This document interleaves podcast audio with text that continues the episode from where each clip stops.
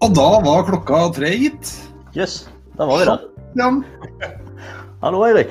Hei, velkommen til uh, Jeg føler at det er nesten blitt litt sånn, uh, sånn Husker du Eirik ved peisen? Men dette heter nå 30 minutter ved peisen. Uh, en slags daglig livesending med folk som er i ja, Vi er vel i samme situasjon alle sammen. Men Christian Thommessen, Thomassen, unnskyld. jeg jobbet i Thommessen, skjønner du. Thommessen Krefting Grevelund.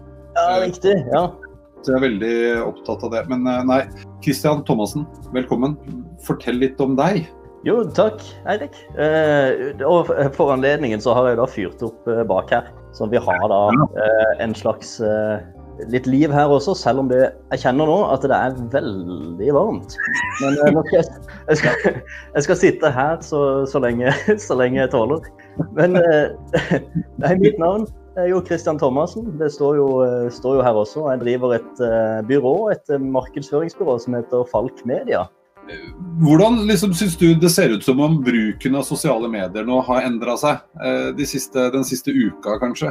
Ja, det, det, er ganske, det er veldig interessant. Mm. For, og jeg vet ikke om du merker det nå, men nå begynner jeg å bli ganske varm. litt svett, så det kan hende at jeg plutselig flytter meg. Ja, bare flytt meg litt, ja. men, men nei da. Det som er litt interessant med sosiale medier akkurat nå, det er at folk ser seg nødt til å tenke litt annerledes. Mm. Og det er litt uh, spennende. Jeg, jeg, har ikke akkurat nå, som jeg skulle ønske jeg hadde, en, en, graf som viste retning opp eller retning ned i engasjement på Facebook. Det har jeg ikke. Men det jeg har sett, er jo at eh, folk uh, bruker og svett jeg kan jo se det her. Men, Men du ser jo litt frisk ut nå, eller litt sjuk, da. Det er kanskje litt skummelt akkurat nå. Du har ikke feber? Ja. Nei, jeg har ikke feber. Jeg har ikke feber. Jeg bare satt rett foran peisen her i stad. Uh, men bruker sosiale medier annerledes. Og det er litt sånn som uh, Ipsos hadde en liten undersøkelse ute, hvor de skulle sjekke hvordan bedrifter bruker sosiale medier akkurat nå. Mm. Og det er litt sånn som at vi har brukt sosiale medier på, for å markedsføre oss, ikke sant? Men vi har brukt sosiale medier for å markedsføre oss på den måten vi alltid har gjort. Vi har eh, sagt et eller annet at da pleier det å få en form for respons eh, som er lik hver gang, omtrent. Det er litt sånn som å sykle. Du må lære deg å sykle på et eller annet tidspunkt. Men når du først har lært det, så tenker du ikke over hva du gjør. Du bare sykler.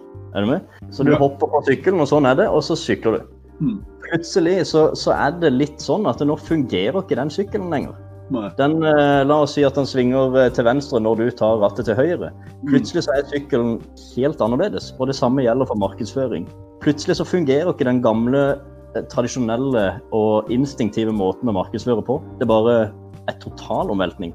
Så vi må bli nødt til nå å gå et par skritt tilbake, og det ser bedrifter også.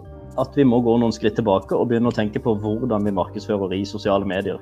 Det fine der det er at folk faktisk begynner å innse litt hvilken verdi de faktisk kan skape der ute.